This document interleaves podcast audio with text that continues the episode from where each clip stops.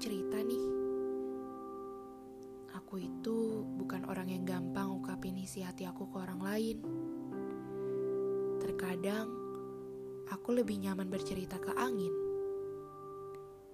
Ia tidak pernah memberi aku nasihat ataupun petuah-petuah. Ia cukup mendengarkan cerita-ceritaku saja yang mungkin sudah tertanam lama. Terkadang aku sadar, aku cuma manusia lemah yang membutuhkan manusia lainnya. Tapi di saat aku mulai mau membuka diri, rasa takut dikecewakan itu terus menghantuiku. Setiap sedih, secangkir kopi dan alunan musik saja yang menjadi andalanku. Cara paling klise, tapi cukup ampuh. Ampuh dalam menghapus rasa sedih Oh, tentu tidak. Cuma ampuh menunda air mata untuk dipindahkan ke malam hari. Aku juga gak tahu sih, dengan aku bikin podcast gini, ampuh gak ya? Ya, setidaknya aku bisa berbagi cerita aja. Bahkan entah siapa yang bakal denger.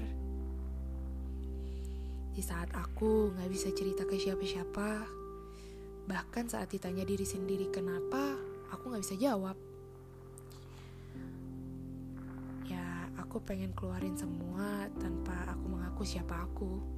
Kayaknya seru ya.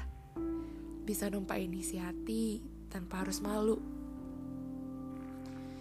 Tetap susah sih ngerangkai ribuan kata dan banyak hal-hal yang pengen dikeluarin sebenarnya.